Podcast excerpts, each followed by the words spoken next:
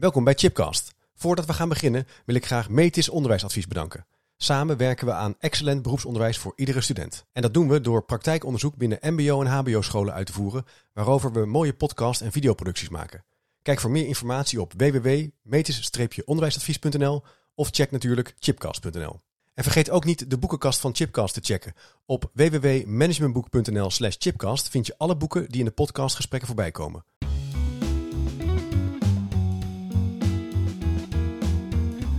Welkom bij een nieuwe aflevering van Chipcast. Een podcastserie waarin ik op zoek ga naar verrassende antwoorden en nieuwe perspectieven op vragen die mij bezighouden. Leuk dat je luistert naar een nieuwe aflevering. En in de studio is Bart de Co, docent aan de Waardenborg in Holte, Overijssel.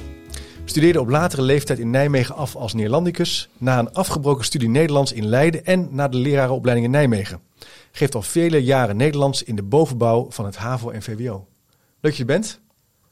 Het eh, maakt nieuwsgierig, een afgebroken studie Nederlands, maar later toch weer door. Ja. Moet je misschien, om even te starten, toch mijn Ja, nieuwsgierigheid ik even vertellen. Hoe is dat gegaan? Ik heb in Leiden Nederlands gestudeerd dus. En het werd helemaal niks. En ik Nee. heb eh, vele jaren nagedacht over de vraag wat daar dan toch de oorzaak geweest, van geweest zou kunnen zijn. Nou, ik ben er nog steeds niet helemaal uit. Maar Nee. in ieder geval, ik was ontzettend in de war. Ik was ontzettend de weg kwijt in die tijd. Eh, ik heb in militaire dienst gezeten en een aantal jaren dus eh, suffe bijbaantjes eh, gehad. Totdat ik eh, mijn huidige vrouw tegenkwam en, eh, en eh, het licht zag. Ik dacht, ik wil leraar worden. Ja. En ik nam het zeker voor het onzeker. Dus ik dacht, weet je wat, ik ga toch maar een hogeschool doen. Dan weet ik tenminste vrij zeker dat ik, het, dat ik de eindstreep haal. Nou, gelukkig werd ik in de gelegenheid gesteld om het in drie jaar af te maken. Toen heb ik negen jaar lang in de onderbouw gewerkt. Op het Overbetuwe College in Bemmel en in Husse. Ja, En door de lerarenbeurs van Ronald Plasterk kreeg ik de gelegenheid om alsnog mijn bul te gaan halen. En toen heb ik, heb ik vier jaar over gedaan. Twee jaar een schakelprogramma, twee jaar de master. En ik werd eigenlijk onmiddellijk nadat ik één jaar die, die, die opleiding eh, gedaan had, werd ik onmiddellijk bij mijn haren erbij gesleept werkelijk om eh, te komen werken op het Bordatius College in eh, Zutphen. Daar heb ik het negen jaar volgehouden. Eén jaartje Koninklijke Scholengemeenschap in Apeldoorn. Dat werd een drama. En nu werk ik tot mijn grote genoegen op de Waardenborg in Holten. Kijk. Leuke school. Ja. leuk, interessant. Nou, mooi om het even zo te horen. Ja. Het zijn dus al best wel wat scholen en een hele een historie van met je vak bezig heb, zijn. eh, ja, ja. Hey, de aanleiding eh, voor ons gesprek is een, een blog die je schreef met de titel Gepersonaliseerd onderuit. En eigenlijk ook een Twitterberichtje wat behoorlijk Ja. ook eh, ja, Ja. viraal ging, hè, zoals het tegenwoordig heet. Je-. Misschien kan je, kan je daar eens mee beginnen om dat, dat Twitterberichtje eens even bij de kop te pakken. Eerste Twitterberichtje? Ja. Oké, eerste Ja. Twitterberichtje. Nou, ik ben vergeten wanneer dat geweest is. Dat zal, eh, weet ik, van een half jaar geleden geweest zijn. Misschien een jaar geleden. van. Ehm, ik had toen een, eh, nou, een zeer treurige, teleurstellende studiemiddag achter de rug. Ik was daar bijzonder ontevreden over. Hm. En eh, al jaren geleden had ik mij eens voorgenomen om eens een keer eh, gewoon mijn spullen in te pakken en weg te lopen bij een dergelijke studie, eh, studiemiddag. Hè. Er zijn er zoveel geweest. Ik, ik heb zo'n, ik denk dat dat voor iedere docent geldt. Zo'n lange geschiedenis gehad van Ja. teleurstellende studiemiddagen. Dus toen heb ik een keer in een opwelling, in een, in een, in een boze bui, heb ik dus zo'n tweet de wereld in geslingerd. Wat heb ik ook alweer opgeschreven. Eh, vreselijke studiemiddag eh, gehad, eh, compleet met post-its. ook Ja. zo'n Post-its, zeker, die werden ook genoemd. en ik heb erachteraan gezegd, geloof ik, dat niet alleen de schoolleiding, maar ook de collega's, ja, volgens mij de weg volledig kwijt zijn. Er is geen mens die weet hoe goed onderwijs eruit ziet. Nee. Dat klonk nogal pretentieus en dat is het ook. Ehm, maar goed, misschien dat ik in de blog die pretenties heb kunnen waarmaken. Maar goed, wat gebeurde er? Hè? Die, eh, die, die, die tweet die ging echt viraal. Die is Ja. eh, vele honderden keren geliked en eh, honderden keren geretweet. Ehm, nou, natuurlijk heeft dat boze reacties opgeleverd op school. Ook wel hilarische reacties. Eh, maandag is mijn vrije dag. Ik, ik was er die dag niet, dus ik neem aan dat ik die tweet een keer op een vrijdag misschien ge- gepost heb. Ik weet het niet meer. In ieder geval begreep ik van collega's dat mijn postvak onder de post-its geplakt was. en dat, Oh, dat andere mensen dat weer weggehaald Ja, hebben. ja, ja. En ook bij, de, bij, de, bij het eindejaars cabaret kort voor de zomervakantie. Er werd er verder niet ingegaan op het incident. Maar er was ergens eh, in het decor was een plaats. eh, die was helemaal ondergeplakt met post-its. Dus dat wil zeggen dat het verhaal toch de school echt wel rondgegaan was. Maar ook wel met Ja. enige, zin, enige humor. Ja, enige humor. Het is sportief, het is sportief sportief, eh, opgepakt. opgepakt. Ja. Eh, ik, ik, heb wel, ik ben wel ter verantwoording eh, geroepen, dat wel. Ja. Nou, ik heb toch gewoon tekst en uitleg gegeven. Dat is toch geaccepteerd. Ik heb uiteindelijk ook gezegd van moet je luisteren. Onaardige dingen over de school zeggen is ook uiteindelijk niet in je eigen voordeel. Het is toch mijn Nee, werkgever nee. en ik heb graag een volle klasse. Ja. Dus ik moet misschien ietsje prudenter zijn in de toekomst. Ja. En met, nogmaals, de positieve dingen van mijn school, die overheersen duidelijk. ja. En verder ben ik ook in de gelegenheid gesteld om mee te denken over hoe het dan anders kan in de toekomst. Kijk, dus het heeft ook wel wat opgeleverd Ja, in zekere absoluut, zin. En, en, ook een, goed gesprek over... Ja, en ook een goed gesprek met de leidinggevende, zeker. Ja, zeker. ja.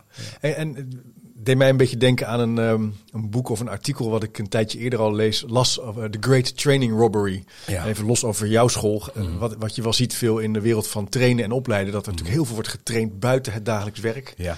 En dat stuk heb ik je ook even van tevoren opgestuurd. Hè? En. Ja. en, en die auteurs zeggen, ja, dat is eigenlijk vaak helemaal niet zo efficiënt. En dat werkt eigenlijk helemaal niet. Want Nee, veranderen, werkt, veranderen van een organisatie of van een school gaat niet op die manier. nee. Dus dat vond ik er ook interessant aan, van eh, vakmatig, van hoe kijk je eigenlijk naar verandering en verbetering in je school. Als je echt van A naar B wil en je hebt het gevoel van, eh, ja, moeten meters maken, hoe pak je dat aan? Maar er zit ook een inhoudelijke aanleiding aan. Hè? Dus het gaat ook over eh, het gepersonaliseerd onderwijs. Hè? Want Ja. dat is ook de titel, hè? gepersonaliseerd onderuit. Waarin je in de blog, ik zal hem ook even delen. Als je nu luistert, kijk zeker even op de, Mhm. in de show notes. Daar kan je ook de aantekeningen vinden op Chipcast. Ehm, waarin je ook echt onderbouwt van ja, wat er zo ingewikkeld aan is. Hè? Kan je daar eens iets wat, kan je dat eens wat meer verkennen? Dat idee van gepersonaliseerd onderuit, eh, de nou, titel? Ik, ik heb dus eh, eh, de aanleiding voor gepersonaliseerd onderuit. Dat was dus dat, dat bekende boek van Robert Peel, waar ik aan refereer. ja, progressively worse. Dus pro- progressief onderuit is daar gewoon een variant op. Ik dacht, laat ik iets anders verzinnen. Ja, Want ja. Kirchner en Scherens die hadden dus dat progressief achteruit al gejat van Peel. Ehm, nou, in die gevraagde tweet heb ik dus over het, het feit dat mensen de weg kwijt zijn. Mensen niet weten waar ze het zoeken moeten. Dat niemand weet wat, wat de kenmerken van goed onderwijs zijn. En eh, dat is denk ik gelegen in die, in die hele ideologie van het gepersonaliseerde onderwijs. Wat, wat denk ik een, een, een doodlopende weg is. Wat denk ik een, een, een kijk op onderwijs is. Die geen resultaten oplevert. Waarmee, waarmee wij kinderen geen dienst bewijzen. nee, nee. Hey, en wat is dan wel, eh want dat is misschien ook wel aardig, wat is dan voor jou, wat jou betreft, kenmerken van, van, van sterk onderwijs? Ehm, nou, ik heb het allemaal opgeschreven in mijn blog. Maar ik, ik herhaal het met alle plezier. Ja, precies, graag. Laten wij eh, nou eens beginnen met het, met, het, met, het, met het hele diepe besef wat onderwijs is. Hè. Het, is een, het is een generatie, pardon, het is een transactie tussen twee generaties. Dat is onderwijs. De ziel van het onderwijs is dat de, dat de volwassen mensen iets doorgeven aan de volgende generatie, iets, iets uitleggen, iets demonstreren aan de volgende generatie. Ze, laat, ze, ze, ze, ze wijden de volgende generatie in in de wereld die zij bezig zijn aan te treffen. Ja. En het gepersonaliseerde onderwijs doet precies het omgekeerde. Dat probeert dus iedere keer alles uit die kinderen te trekken. Ik chargeer uiteraard. Alles uit die kinderen te trekken, alles bij die kinderen neer te leggen. Iedere keer uit te gaan van de eigen verantwoordelijkheid, van het eigen initiatief. Daar moet de motivatie vandaan komen. En ik denk dat we ook eens de zaken van de andere kant eh, moeten gaan bekijken. Ja. Dat je daarmee volledig voorbij gaat, wat ik zeg, aan de, aan de, aan de ziel, aan de essentie van onderwijs. Er is niet zo natuurlijk als een volwassene iets, die iets uitlegt aan een kind. Dat is, dat is de essentie van onderwijs, denk ik. Die draagt kennis over Ja, ja. eh, aan een groep eh, leerlingen, kinderen. eh, en daar zit een bepaalde relatie in. Dus het zijn eigenlijk drie, drie belangrijke punten. Leerling, leraar, vak, inhoud. Die, drie, die drie eenheid stel je daarin centraal. En je zegt van, dat is een kenmerk van, van goed onderwijs. En daar hoort dus ook instructie bij, of overdracht. Ja, Ja, ja en, en minder, de, minder de overdracht op basis van de eigen interesse. Eh, want gepersonaliseerd onderwijs wordt al gauw eh, gezien ja. eh, van... Nou, het uitgaan van de eigen interesse. Ja, Terwijl essentieel natuurlijk aan onderwijs is dat, om het even gechargeerd te stellen, talent je geen ene bal kan schelen. nee. Een kind moet gewoon leren spellen. Ongeacht wat het talent van het kind is. Ja. Dat kind moet gewoon leren spellen. Ja. Op dat moment ben ik helemaal niet geïnteresseerd in talenten van kinderen. Zo'n kind is geholpen wanneer, ik, wanneer het mij lukt om dat kind te leren spellen. Ja. Ongeacht de talenten van het kind. Ongeacht talent, ongeacht waar de wieg staat. ongeacht of ja, zij of hij er zin in heeft. Als we het nou toch hebben over gelijke kansen, als we het nou toch hebben over, over eh, ja, zulke soort dingen, dan, dan, dan moet je juist niet uitgaan van talent. Nee. Dan moet je En- volstrekt aan voorbij gaan. Ja, is dat ook zo op een middelbare school? Want eh, vaak wordt hier op weer, een weerwoord hierop is vaak, ja, op een middelbare school, daar moeten die jongeren juist al wel eh, hun eigen nieuwsgierigheid en interesse kunnen volgen. En dan zou die, het onderwijs zich eigenlijk moeten vormen naar die individuele Nou, eh, voorkeur. Hè? Dat, is, dat is vaak al een, een redenering die ook wordt, eh, Ja. voor het VO nu wordt Ja, ja. gebezigd. Nou, in hoge mate gebeurt dat al. Er bestaan natuurlijk al profielen en er bestonden al vakkenpakketten. Ja, En kinderen kunnen al hun eigen boekenlijst samenstellen. En eh, ze kunnen al hun eigen onderwerpen kiezen bij presentaties en werkstukken. ja. Dus ik denk dat er al meer dan genoeg mogelijkheid is om dus je eigen talent en je eigen voorkeuren te volgen. Ja, ja. Jij zegt het gebeurt al. Ja, ja profielen, ja, voldoende, vakken. In, in voldoende mate. Ja. Te veel naar mijn smaak, maar eh, Ja. nog meer, dat lijkt me slecht te verdedigen. Ja. Ja, het punt is natuurlijk ook wat, wat, wat ik hier spannend aan vind, is eh, misschien een beetje als bedrijfskundige, dus dat je natuurlijk ook een grote groep kinderen, leerlingen, studenten in die school hebt. Hè? Dus de vraag is, hoe organiseer je dat dan als je, stel je voor, je zou ervoor kiezen om dat gepersonaliseerd te doen, heb je ook een, eh, groot organisatievraagstuk. Want dat is, ja, je kan één op één is natuurlijk de meest efficiënte manier Ja. misschien van leren, maar ja, dat is eenmaal niet haalbaar. Je opent ook de route naar, eh, ja, eh, een sterke vorm van digitalisering bijvoorbeeld in het Ja. onderwijs. Hè? Dat je dat dan zelf, hè, dat het systeem eigenlijk je, je helpt om te leren. Maar ja, volgens mij eh, zeg jij ook, die leerkracht en die docent is daarin heel belangrijk. Ja, Ja, ja. ja. Ik neem zelf, ik vind ICT bijzonder onplezierig. Ik maak daar niet graag gebruik van. Nee? Nee, nee, nee, nee. Dus nou, dat, eh, geef eens een voorbeeld. Hè. Ik Ja. zie hier het boekje vanuit mijn ooghoeken staan. Ja. Eh, bordwerk van Marcel Schmeijer. Ja. Nou, die legt dat heel overtuigend uit. Op het moment dat je een, iets op het bord noteert, dan, dan, dan volgt dat op een hele plezierige manier. Dus het, zeg maar het, het natuurlijke leertempo van een kind. Een, een aantekening ontstaat op het bord. Je kunt eh, de, de boel heerlijk interactief maken. Je kunt leerlingen laten meedenken over de totstandkoming van die, eh, van die aantekening. Je kunt, wat ik heel vaak doe de laatste tijd, ik heb het van Natalie Wexler eh, overgenomen, een Amerikaanse onderwijskundige die veel nadenkt over schrijfonderwijs. Je kunt vaak het begin van een zin opschrijven, een onderwerp en een persoonsvorm en kinderen laten nadenken over het vervolg van die zin. Je kunt vervolgens een voegwoord toevoegen, omdat, dus, maar. Nou, vul het maar eens aan. Dat zijn allemaal hele simpele trucs om kinderen geweldig aan het denken te zetten. Ja. Dus met bordwerk kun je dus eh, eh, klassen geweldig eh, activeren. Ja. En dat is toch een heel ander verhaal dan een knop indrukken en een nieuwe dia in beeld brengen. Ja. Dat, dat werkt niet. Dan zet je het denken uit. Dat is, dat is, zo, dat is, dat is geen goede zaak. Dus Nee. om, om dat soort redenen heb ik niet zo heel erg ICT in mijn klas. Nee. En dan zwijgen we nog van de afleiding. Dus ik gebruik het uiteraard wel voor schrijfonderwijs. Ja. Maar zelfs in dat geval, zelfs in dat geval is het niet eens echt nodig. Want zelfs dan, als je één alinea per les schrijft, verder kom ik vaak niet als kinderen een schrijfopdracht moeten maken bij mij. Dan, dan doe je hoogstens een alinea per les. Nou, dat hou je makkelijk met de hand bij. Zelfs daarvoor heb je niet eens een apparaat nodig. Hoeft helemaal niet, hè? Nou, Nou wat, ik, wat ik er zelf eh, heel ingewikkeld aan vind, is dat als ik zelf ga schrijven of eh, ehm, een samenvatting wil maken van een artikel en ik doe het op mijn computer, dan eh, moet ik er echt voor waken om al mijn systemen uit te zetten. En dat heb ik al best wel georganiseerd voor mezelf, omdat ik toch heel snel afgere- afgeleid raak door een mailtje of een. eh, Ja. Je kan je WhatsApp aanzetten in Ja. je browser, je kan allerlei Ja. dingen doen eigenlijk. Ja.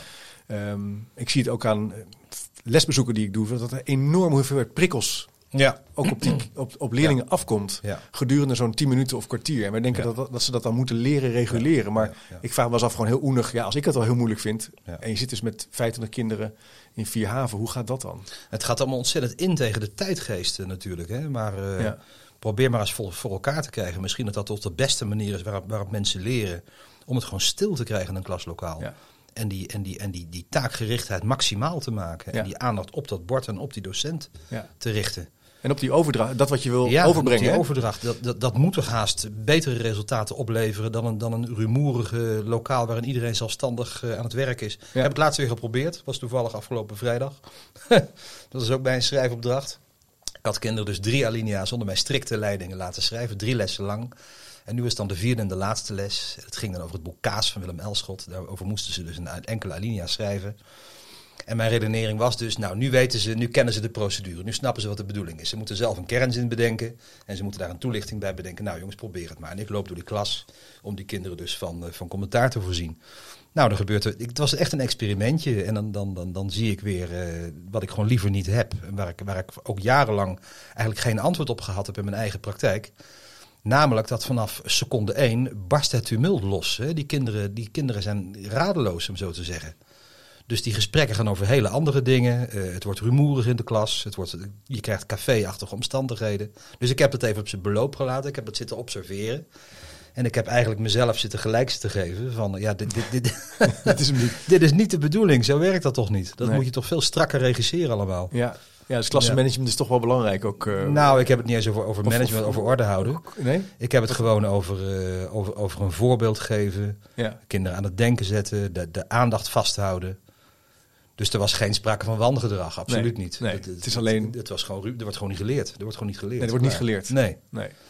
Hey, maar de, ehm, bij dat gepersonaliseerd onderwijs, die redenering, eh, zou nu, als die aan tafel zou meedoen, zou zeggen, ja, maar het gaat veel meer over vaardigheden. Het, Mhm. Hoe moet je eigenlijk het- het kennis als bekwaamheid, als iets Mhm. kunnen doen. Het, ken, het kennis op zichzelf, ja, dat kunnen we opzoeken. Of dat, eh, ja, dat krijg je, dat neem je tot je als je er nieuwsgierig naar bent. Hoe- kijk jij daar nou naar als, als, als docent? eh, die spanning tussen kennis en die beweging richting vaardigheden? Ja, ik ben daar niet zo'n voorstander van. Ik kan, het, ik kan de redenering ook niet zo volgen. Omdat, eh, eh, ja, het, je, je, draait de boel om. Je draait de boel om. Je kunt natuurlijk onmogelijk vaardig zijn zonder dat daar kennis aan vooraf gaat. Het gaat helemaal niet. Nee. En ik denk ook wel eens dat de vaardigheden logisch voortvloeien uit de kennis. Ja. Op het moment dat je over, beschikt over voldoende kennis, dan spreken de vaardigheden vanzelf. Ja. En kan je een Dat voorbeeld zal niet helemaal waar zijn, Nee, maar, maar dat, dat je- ligt dichter bij de ligt waarheid dan dichter het bij- omgekeerde. Ja, precies. Het ligt dichter bij elkaar. En kan- zou je een voorbeeld kunnen geven hoe dat dan zit met het vak Nederlands? Hoe kennis ehm, dan leidt tot kunnen? Hoe kennis leidt tot kunnen. Het Even zo in mijn eigen woorden. Ja, ja, ja, ja. Dus je, Even kijken, literatuurgeschiedenis, spelling, grammatica, leesvaardigheid. Ja, laten we nou het beste voorbeeld leesvaardigheid eh, eruit halen. Ehm, ik, ik lees natuurlijk geregeld eh, teksten met ze. En eh, ik ben er de laatste jaren steeds fanatieker in geworden om begrip te controleren. Daar ben ik steeds fanatieker in geworden. En iedere keer weer word ik verbijsterd. Nou, misschien niet teleurgesteld, maar toch vooral verbijsterd. Raak ik verbaasd over de zeer, zeer geringe kennis bij leerlingen. Hè. De woordenschat is uiterst beperkt. De, de, de kennis van de wereld, die strikt noodzakelijk is om te snappen wat daar staat, die is, die is meestal afwezig. En het gaat om, in mijn ogen om hele basale, hele elementaire woorden, uitdrukkingen, idioom, dat, Ja. dat gewoon afwezig is bij leerlingen. zoals? eh, Nou, laatst kwam het woord collaboreren eh, voorbij. Ja. en dan, eh, nou, ik kan er heel veel voor geven natuurlijk. Maar collaboreren, ja, en dan, dan zie je dus dat het begrip van een hele zin hangt op zo'n woord. Ja. En dan constateer je dus dat driekwart van de klas dat woord gewoon niet kent via HAVO. ja. Ja. Dus als je dan niet uitlegt wat collaboreren betekent, dan kunnen de kinderen gewoon die tekst niet volgen. Nee. Dus dan kun je je afvragen van wat moet je nou doen om kinderen te leren lezen? Moet je ze dan dus iedere keer teksten onder hun neus schuiven waarvan je eigenlijk weet dat ze die niet begrijpen?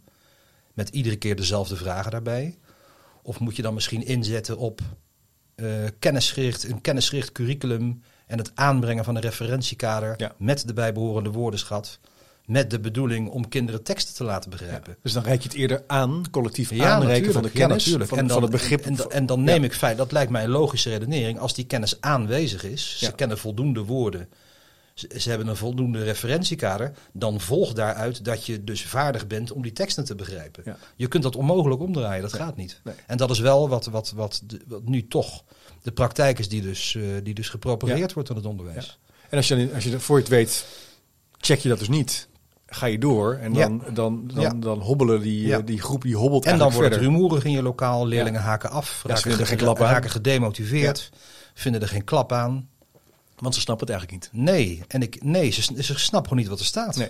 En dus je ontneemt ze daar ook een kans om, eh, om op een diepe manier naar een tekst te kijken. En Ja, zeker dat- plezier dat te is- hebben in... Als je helemaal niet snapt wat er staat, dan Nee. zijn dat soort hogere zaken, da- daar kom je natuurlijk geen seconde aan toe. Ja. Natuurlijk niet. Ja, en dat is natuurlijk wel een heel groot risico als je het omdraait en je gaat dus uit van die individuele kennis van een leerling. Mhm. Dan zou je kunnen zeggen als weerwoord hierop, nou dan mo- mogen ze zelf aangeven of ze het woord niet begrijpen of kunnen ze Mhm, het opzoeken. Maar de vraag is natuurlijk of kinderen of leerlingen dat vanuit hun eigen motivatie Nee, doen. dat is niet mijn, is niet mijn ervaring. Nee. Als jij aan een klas vraagt van, eh, weet je wat het woord betekent, houdt iedereen zijn mond dicht. Ja. En Oh, dat zie je overigens op de universiteit ook. Hè? Ja, en als, dat- en als je dat kinderen gebeurt dus, op alle plekken. Dus het wisbordje is een veel beter idee. Ja. Je zegt, je vraagt aan die leerlingen, noteer het woord collaboreren en noteer, noteer nu de betekenis daaronder. Ja. En als je de betekenis niet weet, dan schrijf je niks op. Steek de bordjes in de lucht, 3, 2, 1.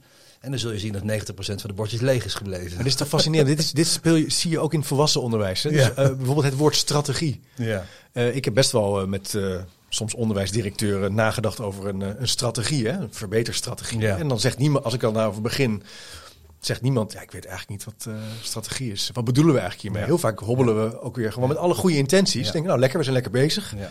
Terwijl als je dat dus niet weet, kan je ook geen diepgang bereiken. Het is ook gênant natuurlijk. Hè? Je schaamt je een beetje om toe te geven dat je iets niet weet. En ik, ben, ik ben leerlingen ook ontzettend dankbaar. Want zelfs ondanks het feit dat ik me daar toch behoorlijk bewust van ben, eh, denk ik, eh, ga ik toch ook voortdurend te fouten. Dat Ja. ik dus niet weet. Ik laat 6 VWO, ik laat plomp verloren het woord moraliseren vallen.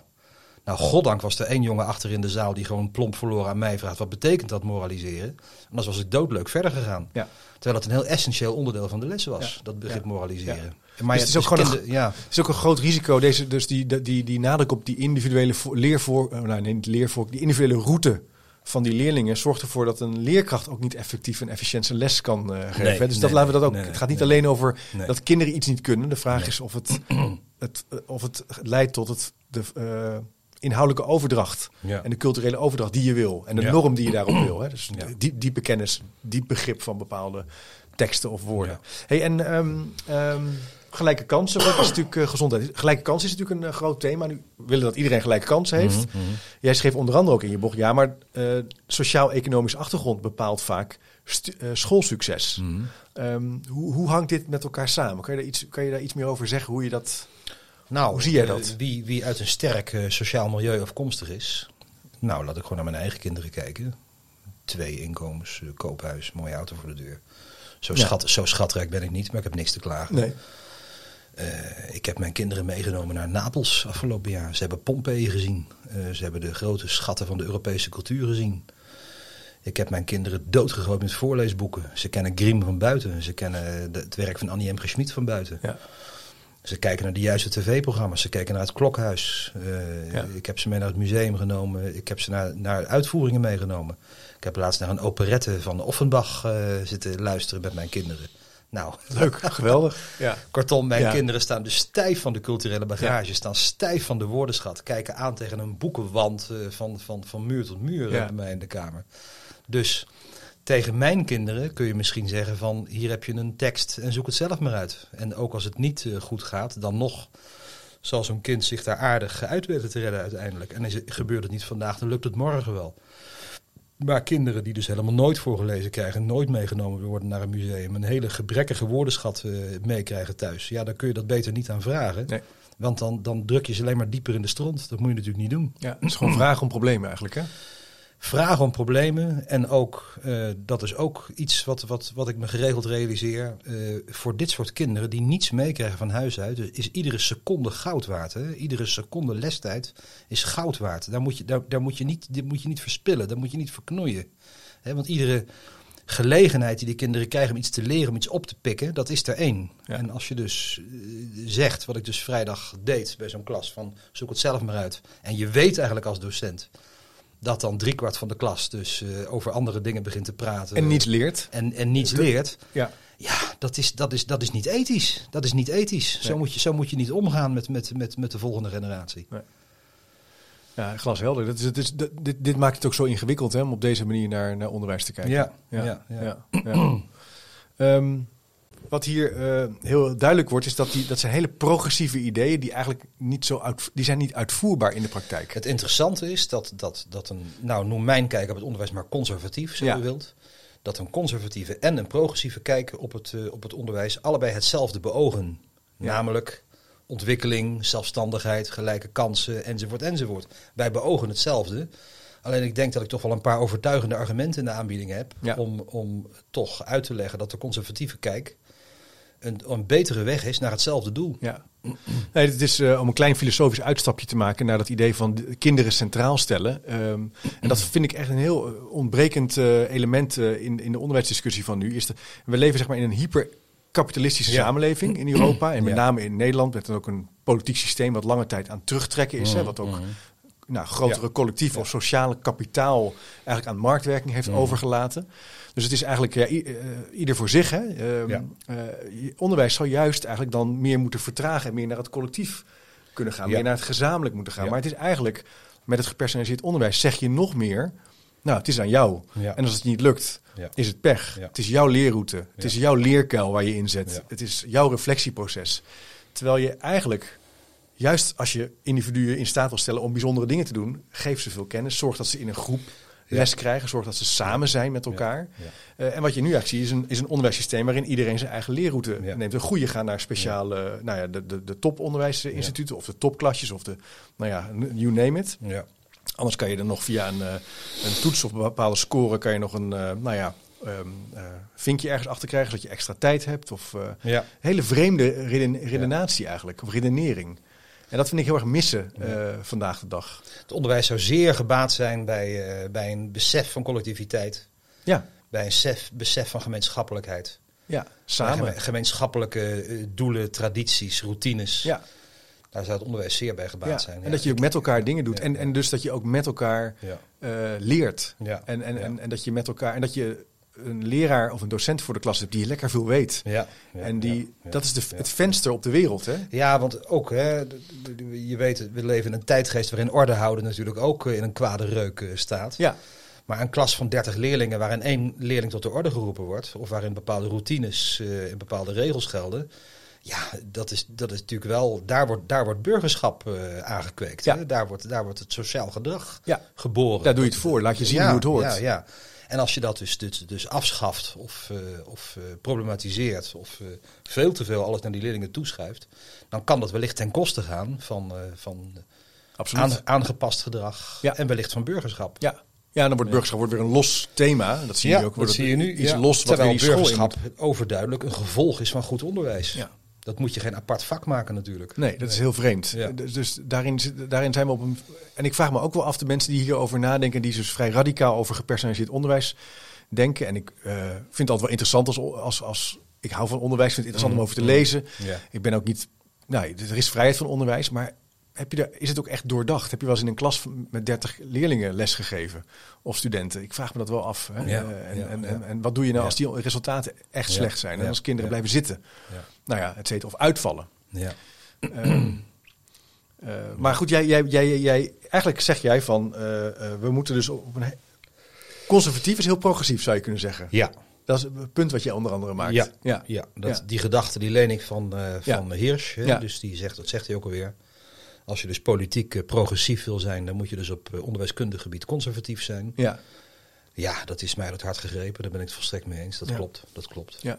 En, en d- d- discipline. ehm, Mhm. Dus je zei al iets over. eh, eh, eh, zoals je net vertelde over onderwijs- orde houden. Orde houden, maar ook zorgen ja. dat het stil is. Eh, Ik heb Ja. er eerder al een aantal podcasts, onder andere ook met Frank Furedi over eh, Mhm. ehm, gehad. Dat is ook een beetje spannend vandaag de dag, hè, als je het hebt over discipline. Ja, dat is allemaal heel erg pro- problematisch. Ja, Hoe, hoe verklaar je dat? Dat, dat? dat we dat lastig vinden? Komt dat door ouders? Dat of hangt, dat... dat hangt allemaal samen met die dingen die je net al genoemd hebt, eh, denk ik. Hè? Dat, Ja. dat, dat die, die, die, die, die verafgoding bijna van het individuele.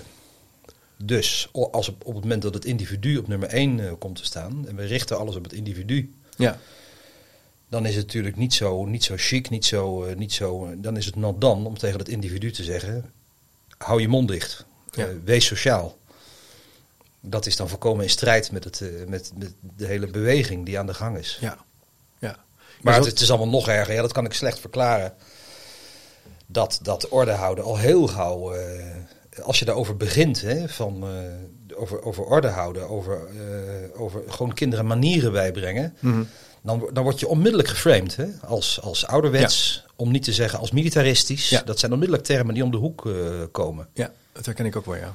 Ik heb zelfs een keer met een, een teamoverleg waarin ik wat vertelde over eh, orde houden, dat ik, dat ik ehm, heel snel ongemerkt in een soort conservatieve hoek belandde. waar ik, eigenlijk niet- waar ik niet zo goed meer uitkwam. Nee, nee, nee. Terwijl ik, ik zei, Nee, ja, ik ben nee. ook echt voor vernieuwing en als, we kunnen ook Ja. leuke dingen doen, Ja, maar... je zit onmiddellijk in het defensief, ja, inderdaad. Ja, en dat is natuurlijk een, een handige manier van framen. Je, je Ja. zegt, nee, dat is wel een beetje ouderwets. eh. Ja, ja. Eh, het onderwijs is al eh, eeuwen hetzelfde gebleven. Ja. We moeten dat echt veranderen. En, Ja. Maar dit, dit zit misschien ook wel bij dat idee van hè, dat individu centraal, die economische samenleving, het individu, individu verheerlijken. Hmm. En ook de opvatting en mening van die mensen eigenlijk ook eh, heel serieus nemen. Dus het is niet een soort collectieve waarheid meer of een soort op, observeerbaar Nee. goed of juist. Er is alleen maar de, de individuele frame. Ja. En Ja, dat betekent, ja, als Pietje nou zich op tafel gaat staan, is het gewoon een hele bewegelijke jongen. Ja. Eh, Ja. En als jij eh, je jas aanhoudt met je capuchon over je hoofd, Ja. ja, dat is nou eenmaal hoe hij zich, Ja, wat, wat nou ja, et cetera, et cetera. wat moeten we daar nou aan doen? Hè? Hoe, Nou, dat is wel een we- punt. Hoe moeten we nou als samenleving of als school inderdaad een, een gemeenschappelijk verhaal Ja, zien te creëren? Ja. Nou, ik, ik heb het wel eens een beetje gezocht in een curriculum. Hè? Daar heb ik het wel eens een beetje in gezocht. ja, Ik, zie, ik zie het misschien ook wel een beetje in, in patriotisme, in vaderlandsliefde. Waarom Ja. ook niet? Ja. Hè? Wij zijn Nederlanders, laten Ja. we daar trots op zijn. ja. We hebben een prachtig koningshuis. Een grote En, eh, historie ook, hè? Ja, daar Ja. moeten we misschien dat je daar wel een beetje in zou Ja. kunnen zoeken. In ieder geval in het Trots, dat is dus nationale trots, maar Ja. ook in het besef van dat we dus met z'n 18 miljoenen zijn. Ja. Dat we het samen moeten zien te rooien. Dat we samen de schouders onder, onder ons moeten zetten. Nou, dat zijn volgens mij hele positieve gedachten. Daar Ja. is niks mis mee. Nee, kunnen ons, dat, dat kan ook het grote verhaal zijn waar, Ja, waar, ja, waar, waar we naartoe willen bewegen. Ja, ja, ja. Dus eh, Nederland ook als handelsland, hè? als een, eh, als een economisch slim land. En ik, heb, ik noem dus ook die nationale kanon in mijn, eh, in mijn blogje. En die nationale kanon is ook tot stand gekomen met, door mensen die daarover nagedacht hebben van zeer diverse pluimage. ja, Daar zat ook die Carmen Fatta Black zat daarin. Of daar zit ook Lotte Jensen zat in die commissie. Nou. Dat zijn hele verschillende mensen. ja. Dus dat, dat moet toch lukken om, om samen met elkaar een verhaal op poten te zetten. Een nationaal verhaal op poten te zetten waarin, waarin iedereen zich kan herkennen. Dat Ja. zou toch moeten lukken. Jij zegt eigenlijk heel belangrijk dat we dus met elkaar bepalen wat wij, welke kennis wij graag willen bewaren en willen Ja, doorgeven. ja, en dus in zekere zin ook koesteren. En dat is niet iets af, want dat is altijd in beweging. Ja, Eh, dat, is altijd in beweging. Dat is eigenlijk het goede eraan. Ja. En, ehm, en is Maar probeer dat niet te besmeuren. Hè? Probeer dat niet te problematiseren. Probeer Nee. dat niet eh, Nee. door het slijk te halen. Dat moet je niet doen. Dat moet je niet doen. Nee. Nee. Dat, dat, ik denk niet dat dat... eh, dat, dat eh, nee, het wordt Vruchtbaar is. eh, het, het, kan verdacht gemaakt worden, Ja. inderdaad. Door, Ja. door de. Dus dat het niet, ehm, niet eh, participatief genoeg is of inclusief genoeg is. Ja. Dus dat heb je. Dus de politieke lading zit erop. Maar een tweede lading die we misschien ook wel nu eh, achterkomen, is dat het eh, eh, ideologisch gezien eh, als ouderwets wordt gezien. Ja. De kennis, Ja, ouderwets. ja. Joh, we moeten veel meer kijken naar eh, vaardigheden, naar eh, nieuwsgierigheid. En jij zegt eigenlijk, nee, maar je, je, je hebt het een nodig om het ander te bereiken. Je hebt kennis nodig om Absoluut. nieuwsgierigheid te bevorderen. Kennis, kennis is een strikte voorwaarde. strikte voor- voorwaarde. ook een strikte voorwaarde, denk ik. Ja, voor, voor, natuurlijk voor vaardigheden, voor, eh, voor burgerschap. om Ja. te kunnen functioneren, natuurlijk. Ja. Dus lekker veel leren op school. Absoluut, absoluut. Ja. Ja. Ja, ja, ja. Ehm, Ook in het licht van motivatie. Hè. Motivatie is ook zo'n zo'n zo'n ja, zo'n actueel eh, onderwerp. En dan, dan, dan, dan zie je dus dat iedere keer eh, mensen dus proberen, dat is ook wat je op die studiemiddag hoort, mensen iedere keer proberen om de, om de motivatie te leggen bij het lesmateriaal of bij de omstandigheden Ja. of eh, ja, zulke soort dingen de meer. werkvorm. De werkvorm, daar moet dan de motivatie vandaan komen. Ja, Ja. maar dan denk ik, soms zal het ook wel zo zijn. Hè? Dat, dat, dat zal ik, dit is niet helemaal onwaar. Nee. Maar wat ik helemaal niet hoor in dat, in dat hele debat, dat is de geweldige motivatie die kan uitgaan van een deskundige docent. Ja. Die, die een spectaculair hoorcollege Ja. staat te houden. Ja. Of een docent die iets, die iets goed uitgelegd heeft. Ja. En de sensatie die kinderen dan kunnen ervaren om het te begrijpen. Ja. En dat, is, dat, dat hoor ik nooit in het hele verhaal. Nee, dat, voor, voor, dat, hoor dat ik nooit. aan een boek wat ik heb De vreugde van het inzicht. Hè? Hoe Ja, mooi het is als ja, kinderen het zien. hoe motiverend dat hoe is. motiverend en hoe empowerment, hoe, hoe dat, wat het kan doen. Ik vind ook, wat ik ook interessant vind, en dat we denken dus altijd dat dat soort inzichten in het onderwijs toch op studiedagen moeten plaatsvinden Mm, en zo. mm. En terwijl ik, eh, de ervaring is toch, het wordt overigens ook wel over onderbouwd met wetenschappelijk onderzoek, is dat je veel meer leert in die dagelijkse werkpraktijk. hè. Het heeft Ja. veel meer zin om bij elkaar mee te gaan kijken. Mm, mm. En om Ja, te zeggen, nou, mooi zijn, ja. jij bent hier, jij bent bezig met eh, je lessen te verbeteren. Nou, zou ik eens een keer bij jou mogen meekijken? Ik heb nog dit jaar ontzettend veel geleerd. Het feit dat ik in Nijmegen college geef, eh, daar zit Erik Meester bij mij aan en Anne Mhm. Bosman. En dan die bespreken, we bespreken de lessen na. Dan krijg ik tips. Dan denk ja, daar kan geen studiedag tegenop. Nee. Want je, je- het feit dat je les geeft, je bent een ochtend bezig, je vergeet altijd dingen. Ja. Je, je bent zo met je inhoud ook bezig. Je hebt het soms juist nodig. Ja. Dus maak Waar van die werkplek ook, een waar ook leerplek. bij komt dat, dat, dat eh, nieuwe trucs die je eh, eh, in, in je, je, je lespraktijken invoert, vaak hele grote gevolgen hebben. Ja, Hele grote, omvangrijke gevolgen. ja, ja, ja. ja. Op het moment dat je dus wisbordjes introduceert, dan gebeuren er wonderen in je klas. Er, er, er, er, er- er treedt een hele andere dynamiek in werking.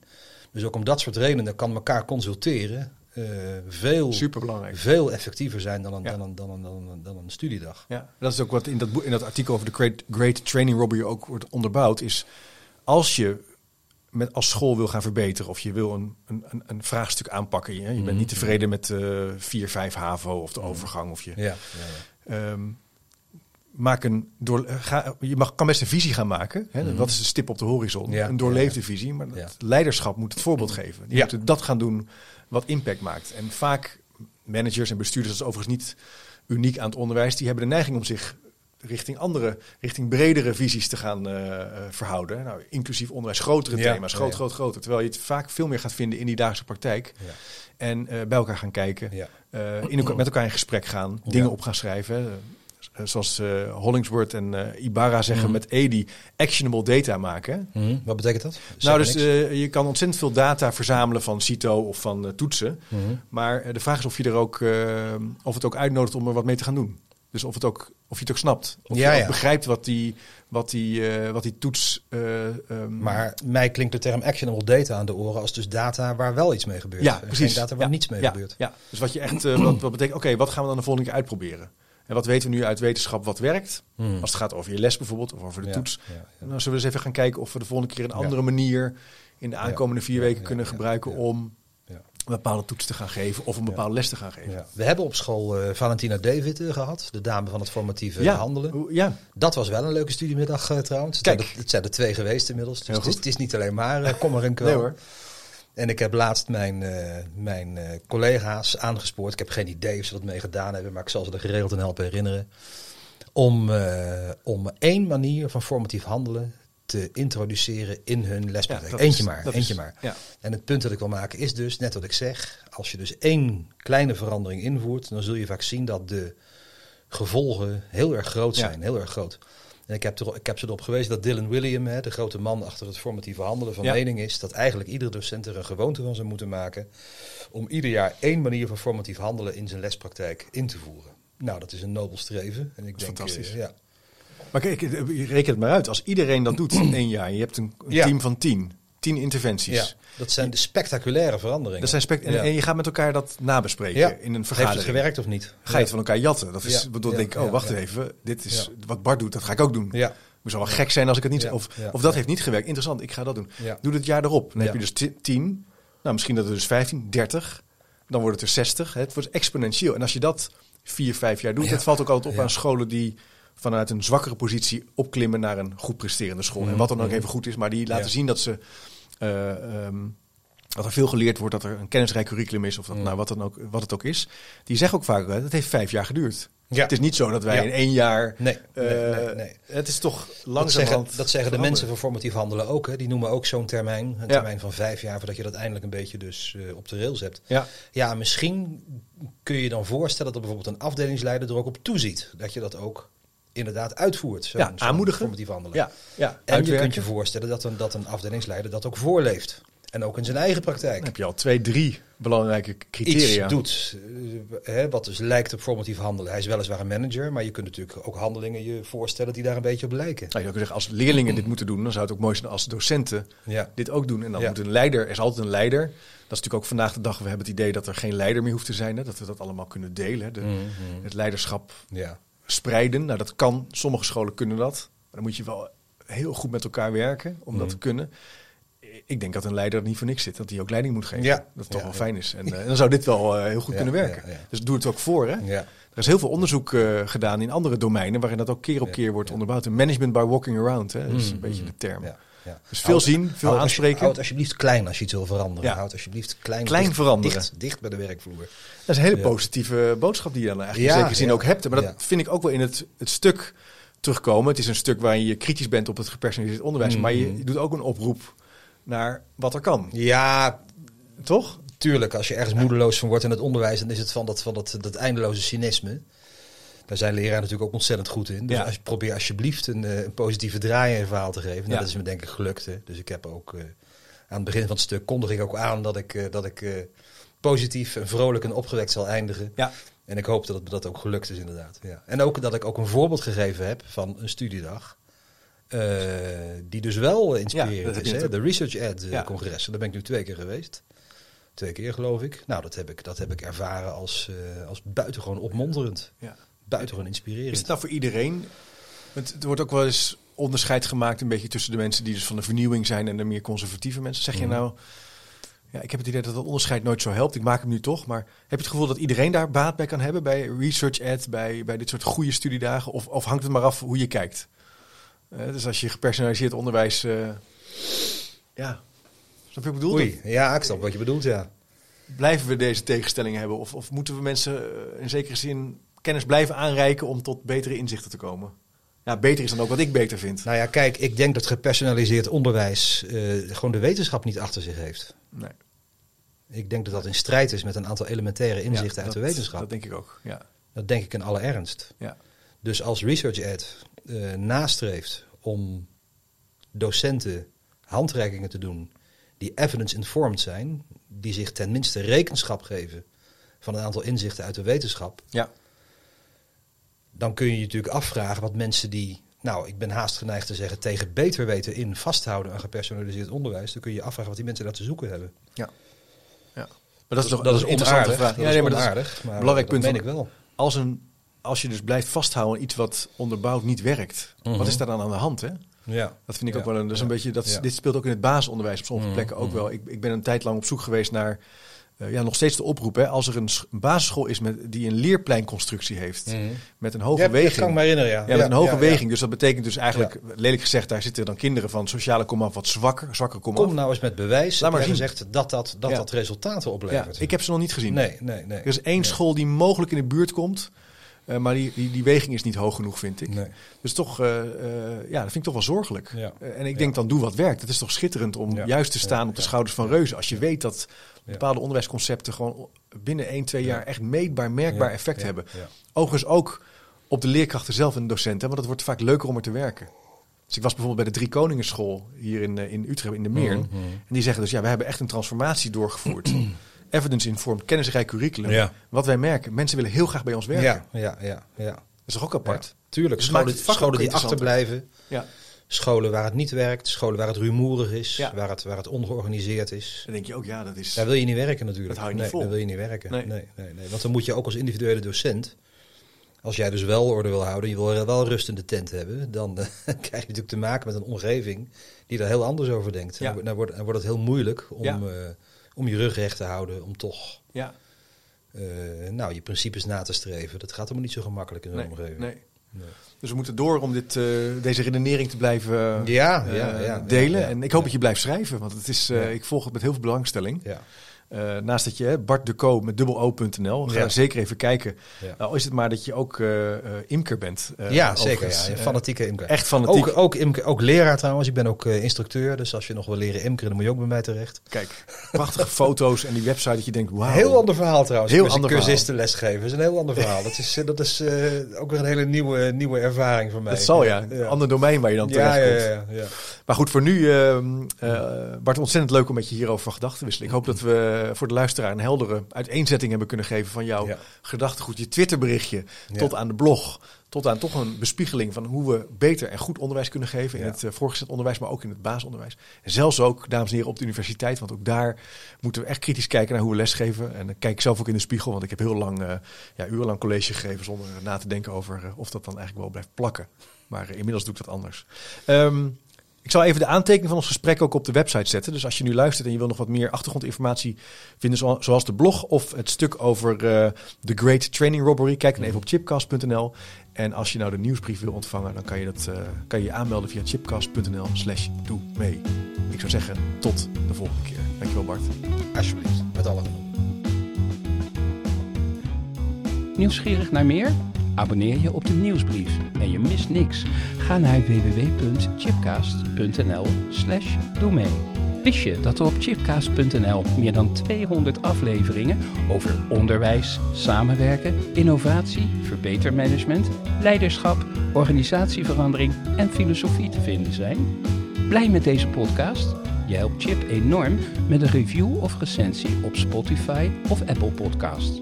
Je kunt trouwens alle gesprekken op YouTube bekijken. En vergeet je dan niet te abonneren. Tot slot nog even dit. Managementboek heeft ook een podcast, De Boekenpraktijk, over managementboeken. Check ook deze podcast via je favoriete podcast app.